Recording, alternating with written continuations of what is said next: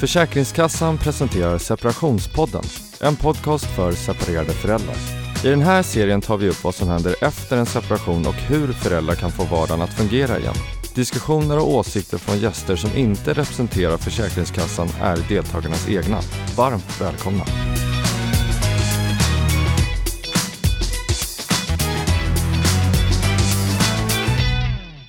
På er, mitt namn är Sofia Wistam och ni lyssnar just nu på Separationspodden.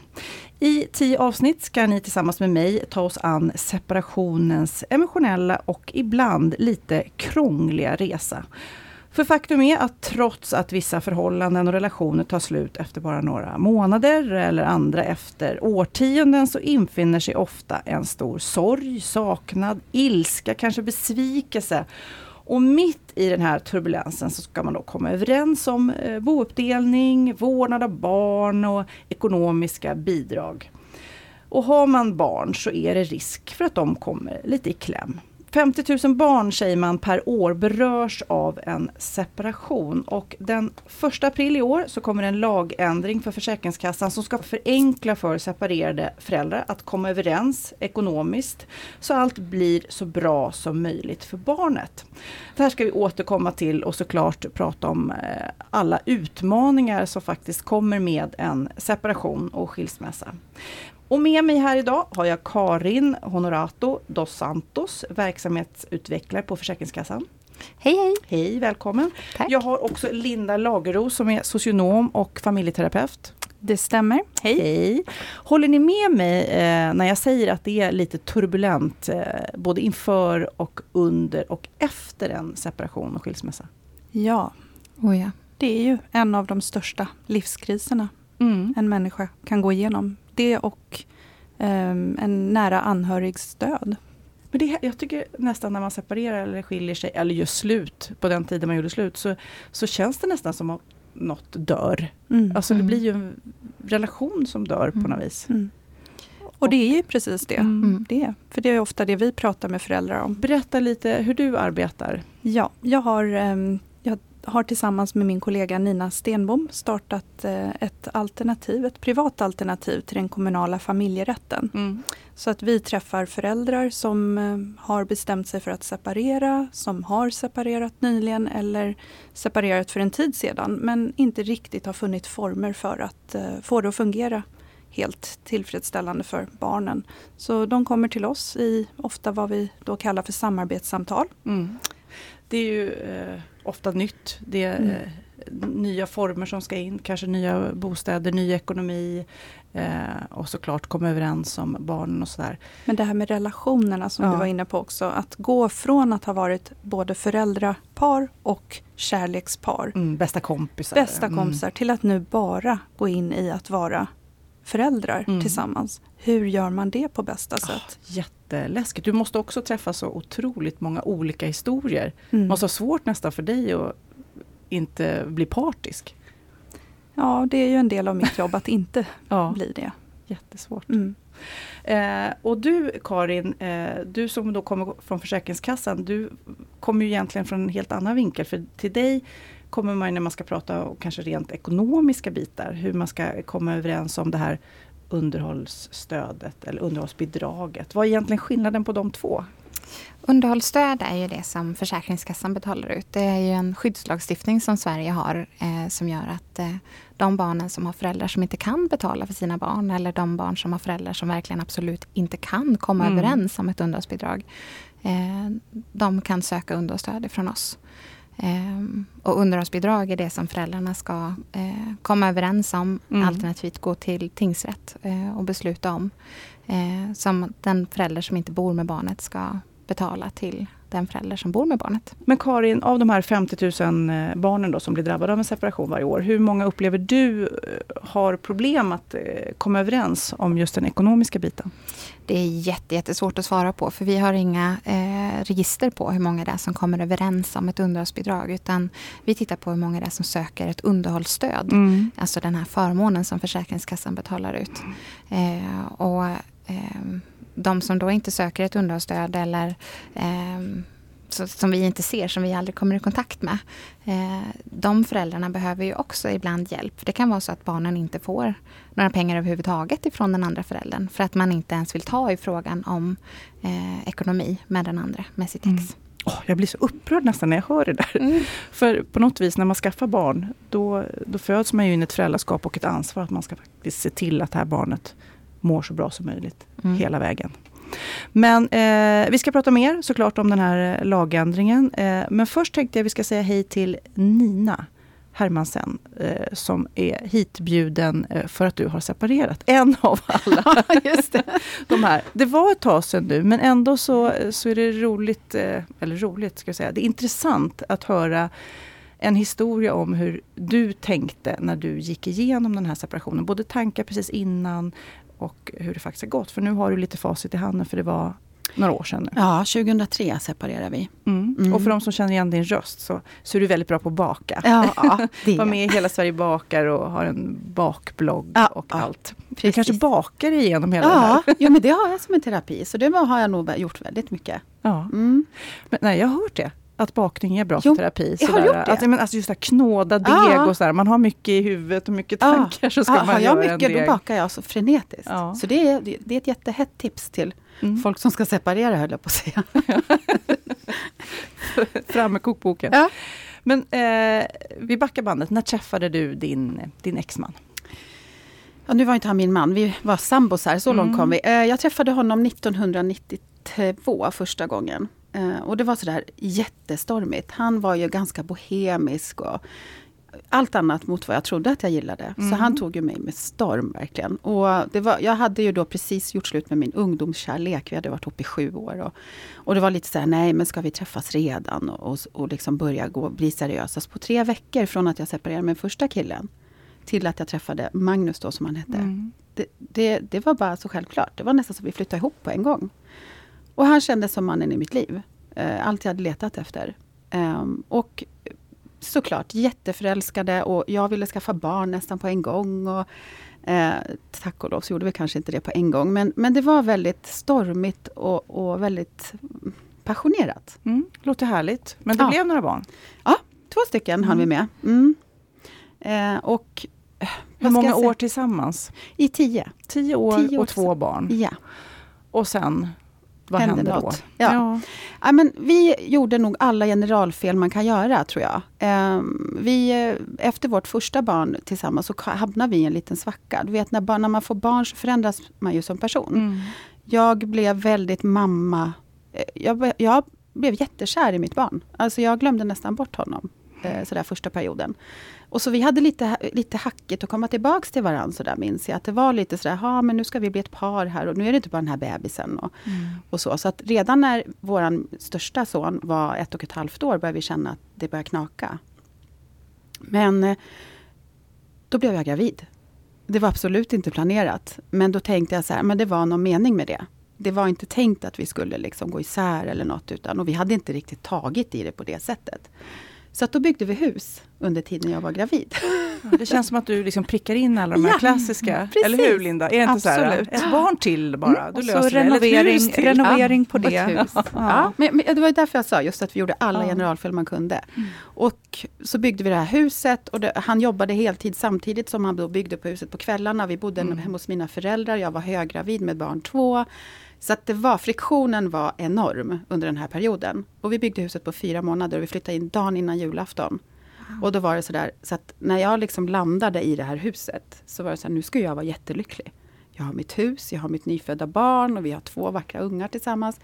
Och så var det inte riktigt så, för friktionen hade varit så enorm mm. under de här månaderna. Men på något sätt så lyckades vi ändå liksom hanka oss fram. Eh, men alla som har små barn vet ju att det är tufft. Uh, och det var det. Vi hade, den minsta var väldigt mammig, så det var bara jag, jag, jag. Och, och jag var väldigt förälskad i de här barnen. Mm. Och ville väl inte göra så mycket tillsammans med honom. Uh, av någon konstig anledning. Och i, så här i efterhand har jag faktiskt funderat på varför. Jag ville inte det, bara. Jag bara kände ett, ett motstånd, liksom. Att nej. Och jag tror att jag kanske redan där hade tappat det. Ja, men det är också så här, eh, känner jag, det jag känner igen som när man får barn är ju att de hoppar upp på prioriteringslistan och mm. då åker ju mannen ner. Eh, ja. Speciellt i början då, ja. när barnen behöver en så mycket. Och så kan jag tycka att när han liksom, då, då blev han lite sur och gnatig över det här. Då kunde jag bara tycka att det var ännu värre. Mm. Och jag så här, gud ska du ställa krav mitt i allt det här när man har två små barn och tycka att vi ska göra saker? Varför är det viktigt? Nej, men jag vet våra värderingar blev så annorlunda och jag mm. vet inte, någonstans där så nådde vi inte varandra utan det blev mera tjafs och, och irritation och, en, mm. och så frustration hela tiden. Och som att vi missförstådde varandra dygnet runt. Mm. Och så pratar man inte om saker, för han är kanske inte världens bästa på att prata. Så att då var det liksom en jätteluftballong av det här. Som växte och växte och växte. Men också, nu hör vi ju din version. Om ja, precis. Han hade suttit här så hade ja. hans version. Han har säkert sagt att jag var en riktig häxa eller ja, något. Nej. Det, där, det, där, ja, men så är det, det ju. är ju alltid två, två människors olika Absolut. upplevelser av en sak. Absolut. Men det är ju lite eh, klassiker, eller hur Linda? Vad säger du? Ja, det låter väldigt bekant. Men jag tänker också nu när det har gått så pass många år så kan jag tänka mig att du säkert beskriver er relation som var då på ett annat sätt idag än vad du hade beskrivit den när ni var mitt uppe i det. Ja men det tror jag. Ja. Eh, framförallt så som Sofia sa så har man ju facit i hand på ett helt annat sätt nu när det har gått så lång tid. Mm. Eh, när man är mitt uppe i det så är ju allt så infekterat. Precis. Eh, allting. Det spelar ingen roll om man diskuterar att köpa storhandla på fredagen eller om man ska köpa hockeykläder till sonen så är det infekterat. Mm. Allting, all diskussion mm. man har är infekterad. Så då, till slut kan man inte ens ha en vanlig konversation om ingenting förrän det är infekterat och irriterat. Så att det känns som att man behöver en time-out. Förstår mm. du? Att, att mm. en utav oss åker någonstans, bort bara. Var det någon som i det läget tipsade er eller rekommenderade er att ta hjälp? Eh, vi tog hjälp. Ja. Eh, vi, vi gjorde så att när det började bli riktigt tufft och när vi, när vi hade landat i det här huset och barnen började växa upp lite grann så började vi titta på varandra och liksom Vem, vem är du? Och är det tänkt att du och jag ska fortsätta leva nu? Mm. Och så kände vi inte riktigt så. Så att vi blev särbos av någon konstig anledning. Men sen gick vi till en familjeterapeut. Um, det var katastrof. Uh, han ville inte alls gå dit. Och han tyckte det var det hemskaste han någonsin har gjort när vi gick därifrån. Var det för att han tänkte att det är kört redan eller var det för att han skulle då bli tvingad att prata om sina känslor? Han, han blev... Eh, den här fam, familjeterapeuten förklarade för honom vad hans stora problem var i vår relation. Mm. Och det kunde inte han acceptera. Han tyckte, att, han tyckte inte att han hade rätt.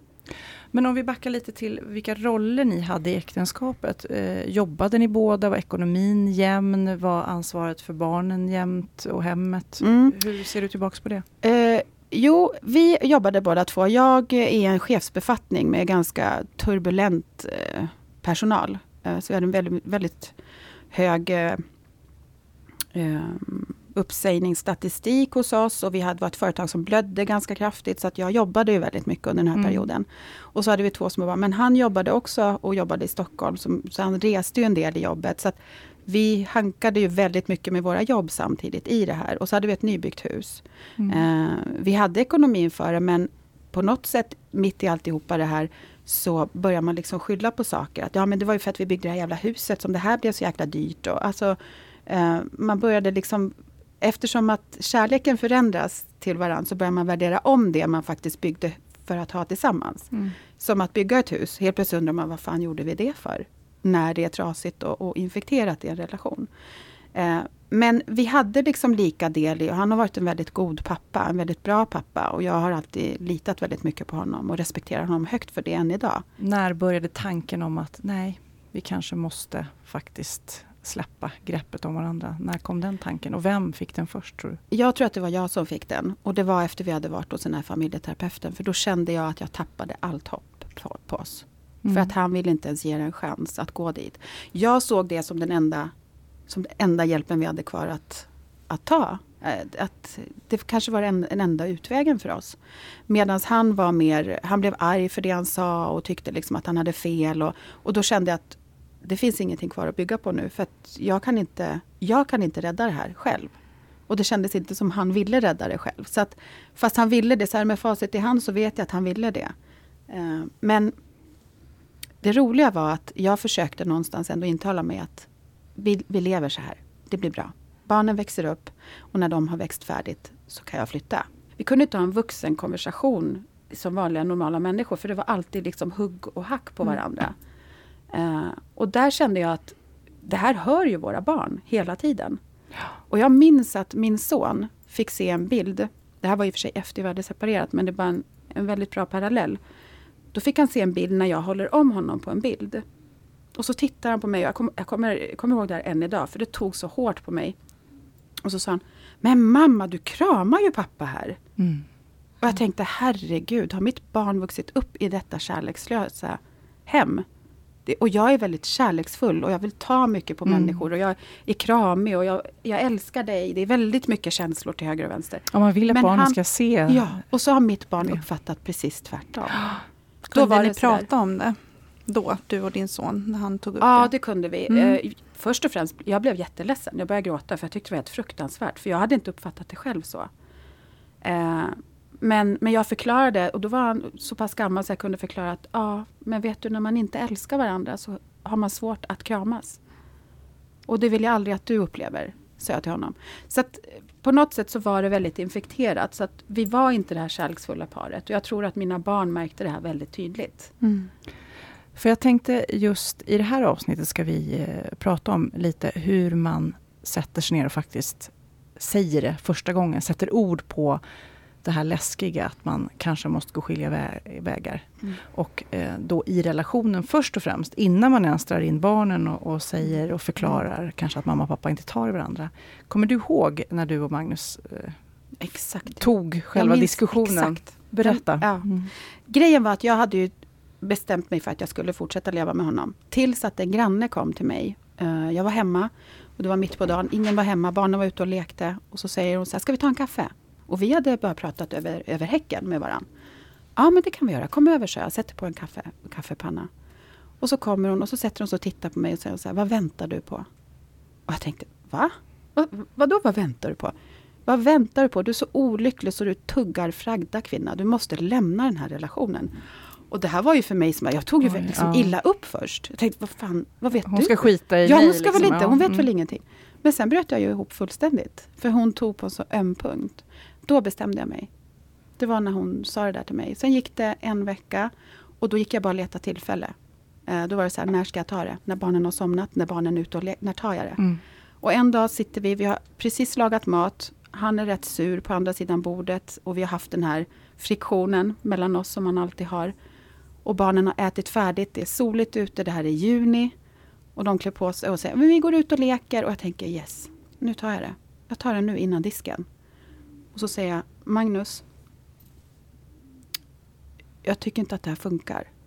Och då ser jag att han liksom tittar upp på mig och jag ser att han ser på mina ögon att det här är allvar på riktigt. Ja, vadå, säger han. Men du vet precis vad jag menar. Jag, jag tycker att vi ska separera. Och bara av att jag säger det, det är ju som en... Alltså det är ju så, sånt ok som faller, samtidigt som jag tänker, vad, gud, vad sa jag det? Mm. Jag sa det. Eh, ja, det kanske är det. Och den reaktionen var jag inte riktigt beredd på. Jag trodde nog att han skulle ge mig lite mer motstånd. Blev du liksom, sårad då när han sa så direkt? Nej, Gav upp? Liksom. lättad var faktiskt det första jag kände. Var så här, wow, var det så enkelt? Eh, det var bara det att jag bodde kvar eh, ända till augusti. Vi bestämde oss för att ta det med barnen när det var bra läge. Och det råkade bli på ett fredagsmys. Alltså, man hittar aldrig ett bra läge. Det är ju bara så. Ja, men vi väntar lite grann här. Ja, så ni, ni eh, kom överens rätt snabbt. Det var liksom ingen tvekan. Nej. Ni, ni mm.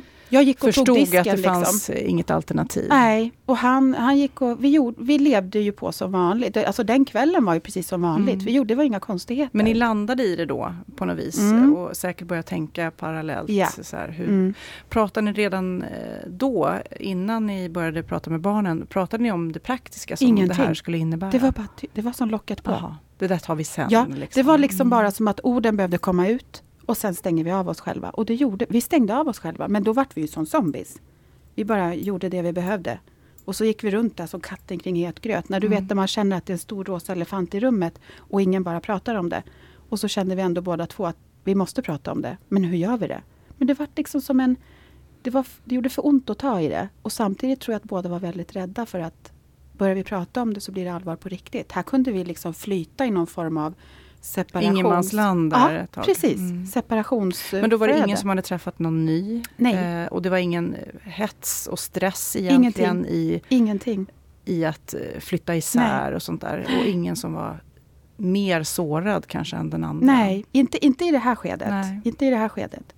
Ehm, grejen tror jag är också att som kvinna så är man ganska klar när man säger orden. Som man när man säger orden kanske man inte är riktigt klar. Utan det, Håller du med? Eller? ja, ja, ja, det här är min upplevelse, förlåt. Ja, jag vet du, inte det där med att vara klar eller inte, men det, jag vet inte om det är det du är inne på lite, att man kan komma, ha kommit olika långt i sina tankar I sin runt process. precis i Mm. processen. Och det är vanligt. Det känner vi igen väldigt ofta från de föräldrar vi träffar. Eh, när de kommer till oss så befinner de sig också i olika skeden och det får man ju ha lite respekt för. Man behöver ju försöka få den förälder som har varit initiativtagare att förstå att den här medföräldern är inte riktigt där du befinner dig. Mm. Vi tog beslutet att jag skulle flytta från huset. Och det gjorde vi för att jag hade bara, jag bara kände att jag gör vad som helst, bara jag får lämna den här mannen nu.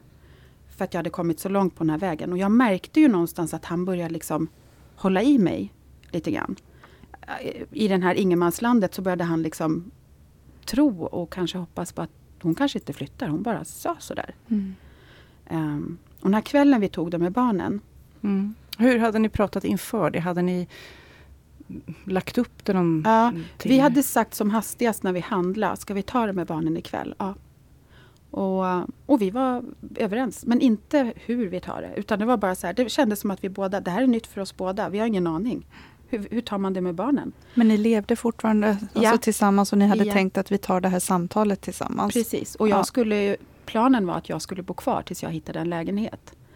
Och då var det också så här, ska vi ta det med dem nu eller ska, ska vi ta det när jag flyttar? Men på något sätt kändes det som, ett schysst, som en schysst grej för barnen att jag bor kvar en stund efter det här för att vi får se reaktionen. Vad händer? Behö- Vi behöver finnas Hur till hands gamla båda var, två. var barnen då? Fem och sju. Fem och sju? Mm. Ehm, och så sätter vi oss och äter. Jag kommer ihåg att vi äter pizza. Det här är så roligt. Jag kommer ihåg exakt hur vi sitter. Jag vet precis hur mina barn ser ut. Och man har ju nästan glömt allting från den tiden känns det som. Men just de här sekvenserna kommer man ihåg. Och då så säger vi um, Nu är det så här att uh, mamma och pappa ska inte fortsätta bo tillsammans. Och då vet jag att femåringen brydde sig inte överhuvudtaget. Medan sjuåringen hajar till och tittar upp. Eh, Jaha, uh, vad, vad betyder det? Jo, men att mamma kommer att flytta härifrån. Och, och då kommer ni att få bo en vecka hos mamma och sen en vecka hos pappa. Och sen börjar vi prata om det här som vi trodde var rätt och som man har hört att ni kommer få två rum och ni kommer få två Playstation och ni kommer, alltså sådär. Man, man försökte ju direkt lägga in de här så att det bara inte blir ledsna barn, för det var ju det man var så rädd för. Sjuåringen bröt samman fullständigt, eh, alldeles otröstlig. Och då höll jag på att tappa det totalt. Då, det var liksom det enda som jag kände var, jag går tillbaka, jag skiter i det. Mm. Och det var liksom, allting handlar om så här små millisekunder hela tiden, för man är så sårbar. Och så ska man försöka vara stark i att lämna. Och det låter ju Och som sen- en alldeles adekvat reaktion Ja, från eller era hur? barn. Ja, och, Ja. och alldeles fullt normalt. Ja. Men man vill inte ha en reaktion, för att du är så svag Mm. själv. Du var inte rädd. beredd på den Nej, reaktionen. absolut inte.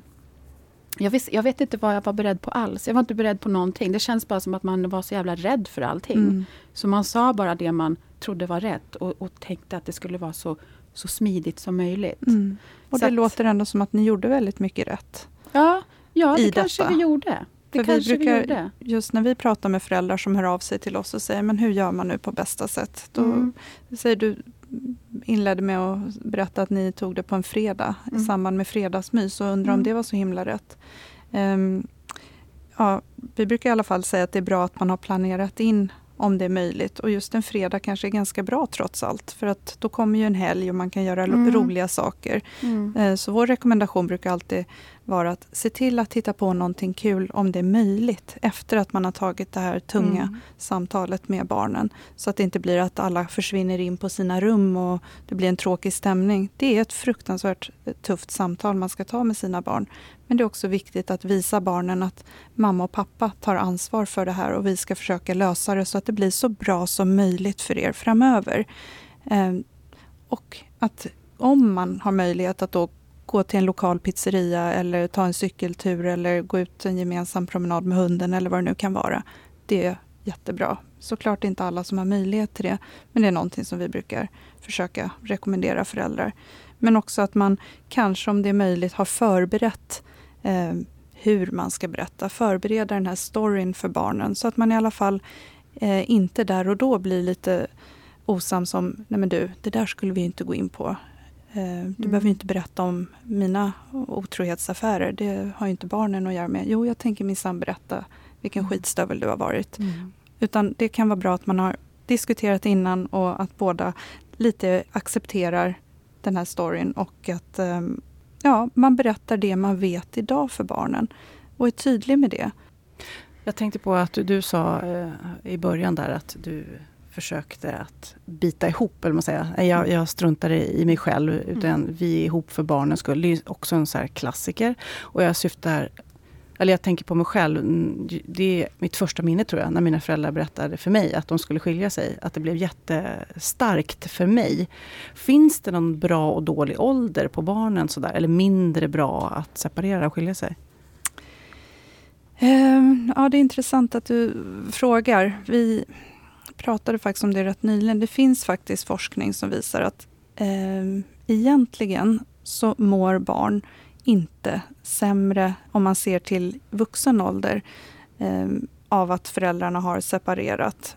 Eh, men framförallt det vi brukar säga att barn mår inte dåligt av att föräldrar separerar. Det de mår dåligt av det är om föräldrarna inte lyckas komma ur den här långvariga utdragna konflikten. Mm. Att de ser det där ja. och hör dåliga ja. tonfallet eh, Precis. som man har mot Så det är det allra viktigaste, att försöka komma ur det så, så snart som det bara går. Och det är därför vi tänker att det är jätteviktigt att man tar hjälp. Ju förr, desto bättre. Mm. Mm. Jag kommer ihåg när jag berättade för ja, min äldsta son, när jag och hans pappa skulle separera. Och tog det här samtalet, satte mig ner och var så här, ja, Kid då, så här, nu är det så att mamma och pappa ska skilda vägar. Hans första reaktion var, Vadå, ska inte du ha någon kille då eller? jag var så här, jo men du är ju mammas kille nu. Du vet, där. Ja men det är jättepinsamt, du måste ju ha en kille. så det var hans, då är hans värld egentligen inte att jag och pappa inte var tillsammans, utan att jag inte skulle ha en kille. Det var väldigt tokig reaktion. Alla barn skön på något sätt. Ja. Skön på något sätt. Och ganska ja. omtänksam Han kanske var mm. orolig för mig då. Att ja, du skulle vara ensam. Ja. Linda, jag tänkte just på det här att sätta sig ner och prata. Nina har gjort då mycket rätt, tagit eh, i en situation när man har tid kanske att fånga upp barnens reaktioner. Sådär. Mm. Är det mm. något annat man ska tänka på? Ja, jag tänker, det finns några fler saker. En viktig sak det är att man är tydlig med att det inte är barnens fel. För det är nog det vanligaste vi får höra som, när vi träffar barn eh, som pratar om föräldrarnas separation och när de blickar tillbaka. Det är många barn som funderar på om de har gjort något fel, om de hade kunnat göra något annorlunda. Var det för att jag inte städade mitt rum tillräckligt ofta fast en mamma tjatade på det? Hade det kan mamma och pappa kanske bli tillsammans igen om jag ser till att göra bättre ifrån mig i skolan. Så det är jätteviktigt att man talar om för barnen att det har inte med dem att göra och att känslorna till barnen är de samma.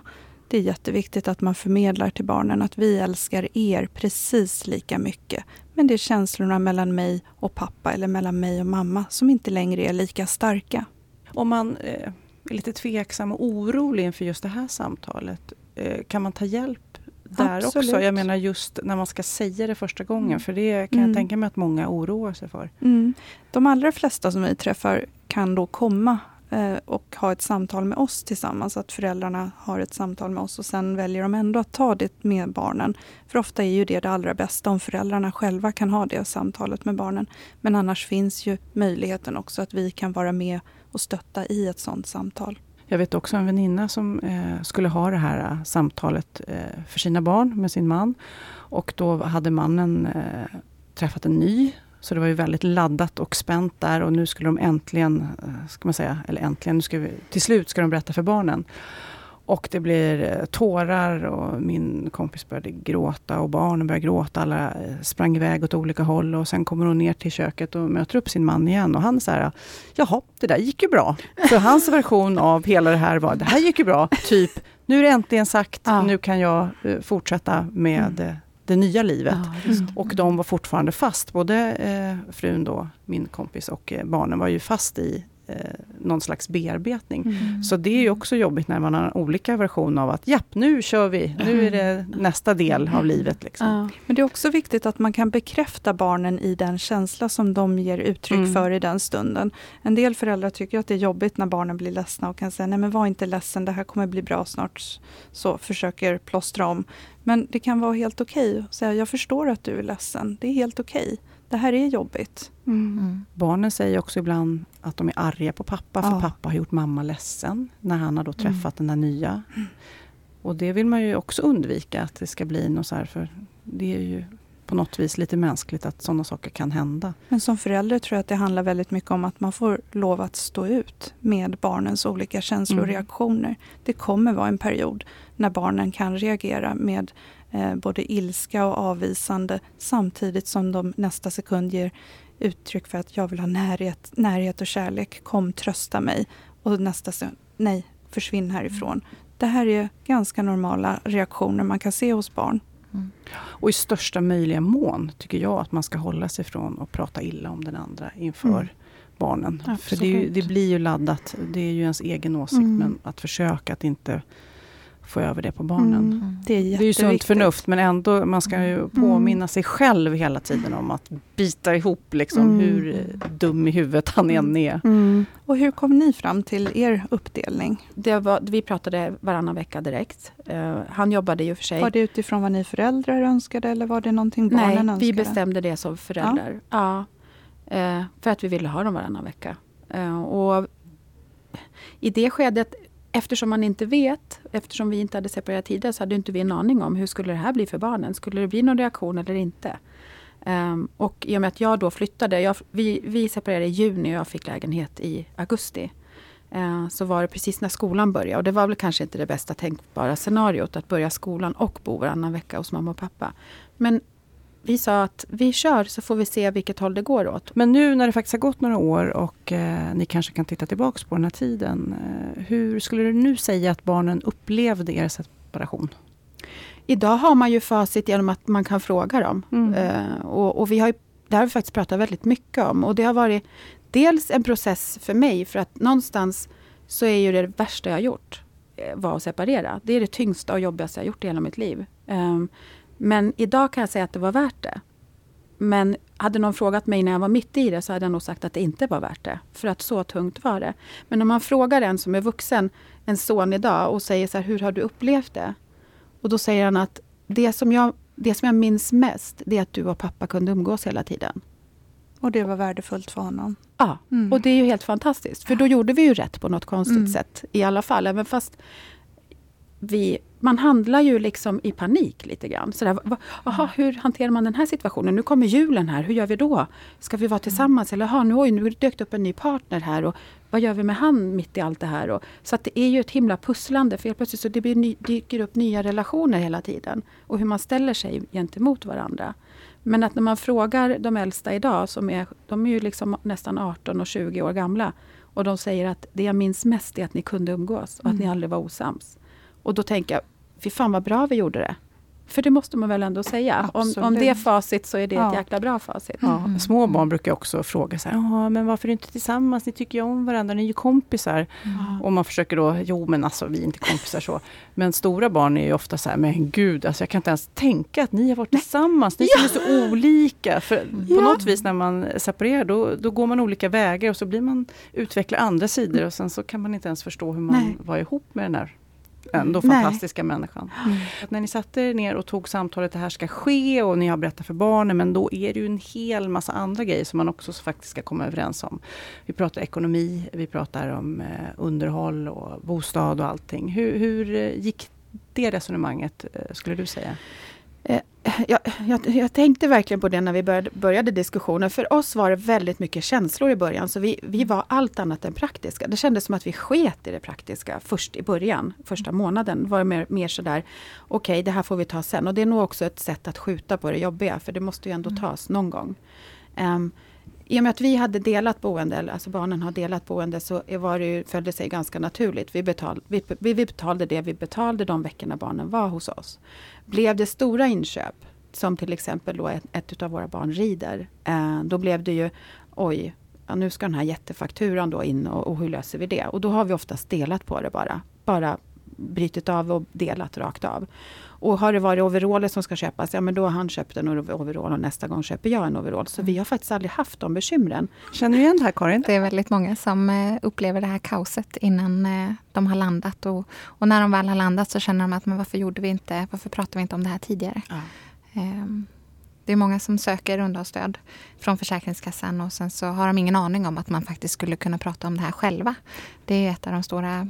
Precis, eh, för det är ju lite galet. Så egentligen så ska man ju sättas ner i, i nästa samtal, när man nu har pratat mm. med varandra och med barnen, och prata igenom ekonomin. Mm, mm. Och eh, det är väl lite grann eh, den här lagändringen som kommer första april, eh, ska förenkla det här. Kan du berätta, vad är det som faktiskt kommer att finnas eh, till hjälp hos ja, er? Eh, Försäkringskassans uppdrag blir ju då att kunna ge information och stöd till föräldrar som är i separationsfas. Eh, att de ska kunna komma överens om ett underhållsbidrag till barnen. Och då pratar vi framförallt om föräldrar som har barnen på heltid. Eh, inte som ni har haft, att ni har haft växelvis boende, utan att barnen då bor hos den ena föräldern framförallt. Mm. Ehm, och då kan ju de här föräldrarna ringa till oss och så kan vi svara på frågor om hur man ska räkna ett underhållsbidrag eller eh, eh, vad som är viktigt att ta med. Eh, om man ska söka underhållsstöd, och varför man inte ska söka underhållsstöd om man själv har möjlighet att betala för sina barn. Eh, och komma överens då om en, en rimlig summa, en rättvis summa för de här barnen. Eh, det som är viktigt att komma ihåg är att alla barn har olika behov. Eh, alla barn har, eh, kostar olika mycket. Olika åldrar. Precis, mm. olika Jag ser åldrar. framför mig mina tonåringar med sina datorer och mm. telefoner. Ja, och... Olika fritidsintressen, olika eh, hygienkostnader, olika matkostnader. Eh, alla barn kostar olika. Men det finns olika sätt att ta reda på ungefär vad ett barn skulle kunna kosta genomsnittligt. Sen kan man ju skruva på de siffrorna och komma fram till någonting som passar ens eget barn bättre. Mm. Och som utgår ifrån föräldrarnas förutsättningar. Precis, mm. precis. Det är ju också barnens behov och sen behöver man komma fram till vad föräldrarna har för ekonomiska vad de möjligheter. har för förmåga. Precis, mm. för det är båda föräldrarna som ska hjälpa till att försörja sitt barn. Det är ju de som är primärt försörjningsskyldiga för sitt barn. Eh, inte staten. Då, ja, men det är det som är så varit. knasigt. Ibland så känns det nästan som föräldrar glömmer bort det där. Mm. Eh, mm. de sätter ett barn till världen och då är det ju de vi som är föräldrar som faktiskt ska se till att de här barnen får det de behöver. Precis. Och ingen annan då. Speciellt om, mm. nu drar jag mm. alla över en kam, men jag tror ofta det är papper. Det är väl oftast barnen bor mest då eh, hos mm. mamman. Mm. Mm. Statistiken säger att det är mm. flest barn som bor hos sina eh, mammor. Eh, men det finns ju även de barn som bor hos sina pappor såklart.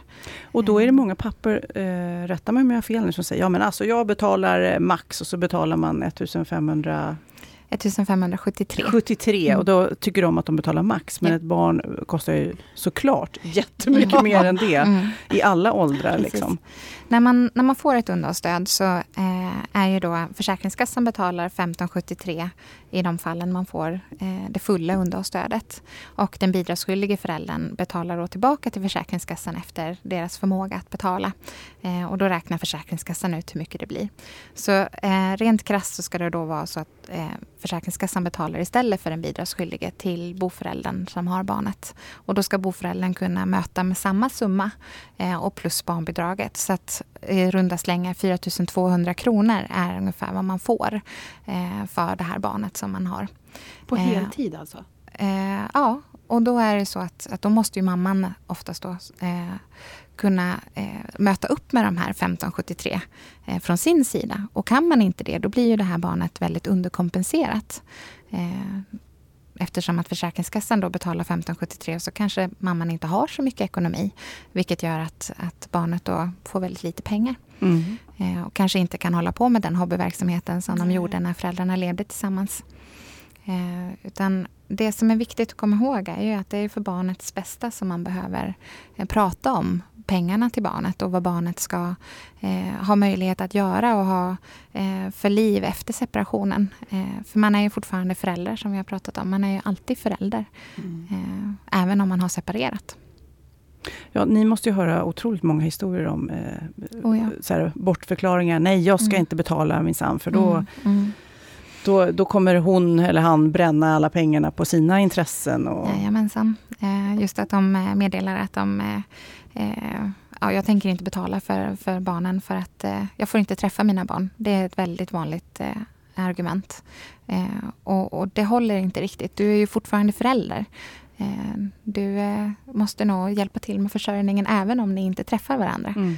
Eh, och sen så är det ju klart att man, barnen har rätt till båda sina föräldrar. Så att det är en annan fråga som, som man som förälder behöver prata om. Underhållsstöd har ju liksom blivit lite av normen i samhället. Eh, Försäkringskassan betalar ut 1573, ja, precis som du sa tidigare. Föräldrarna tycker att det är max. I alla fall den som ska betala tycker att det är max. Och den som får pengarna tycker att det är minimum. Mm. Men ibland kan det ju vara så att man också behöver ta ett samtal med barnen om att nu när ma mamma och jag har separerat, eller pappa och jag har separerat, så är det tyvärr så att vår, vi har en helt annan ekonomisk situation.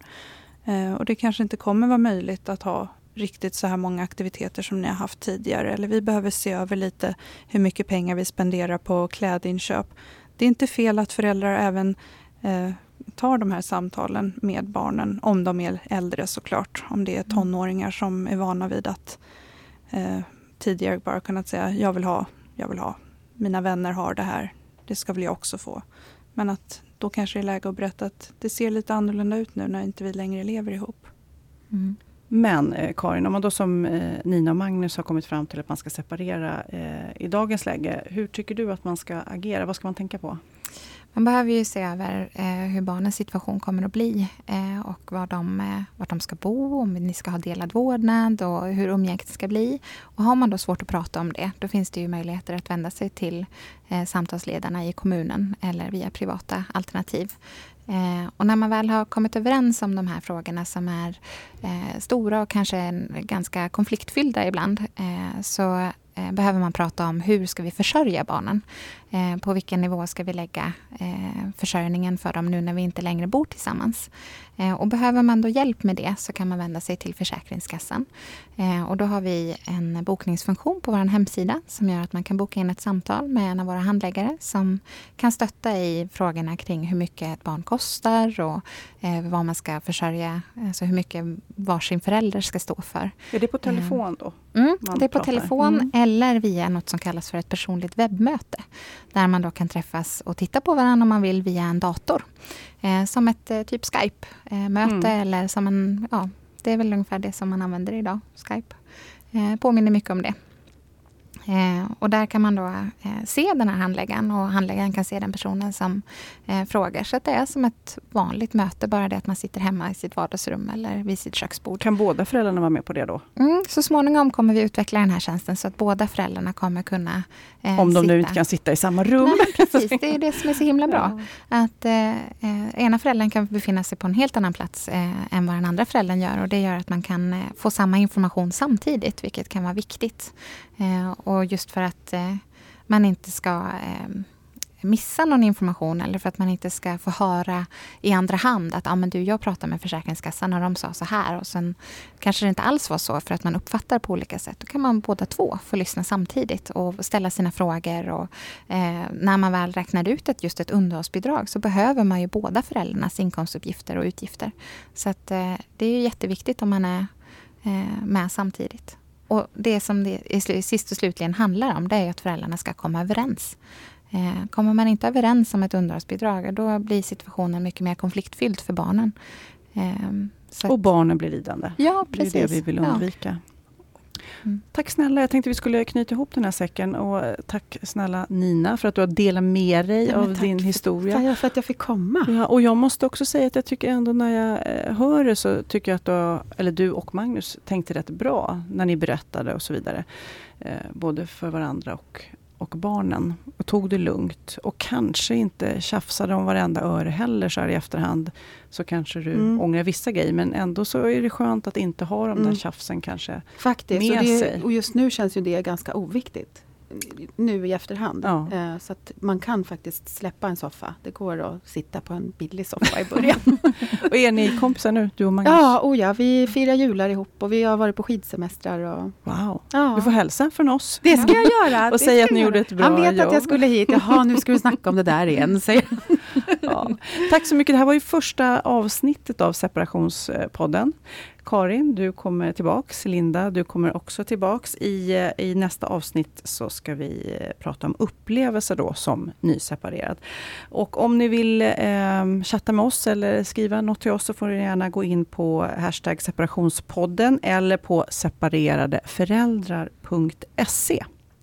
Eh, vi tar gärna emot olika åsikter och synpunkter och historier om ni har era separationshistorier. Tack för att ni lyssnade. Hej då! Hej då! Tack, hej då!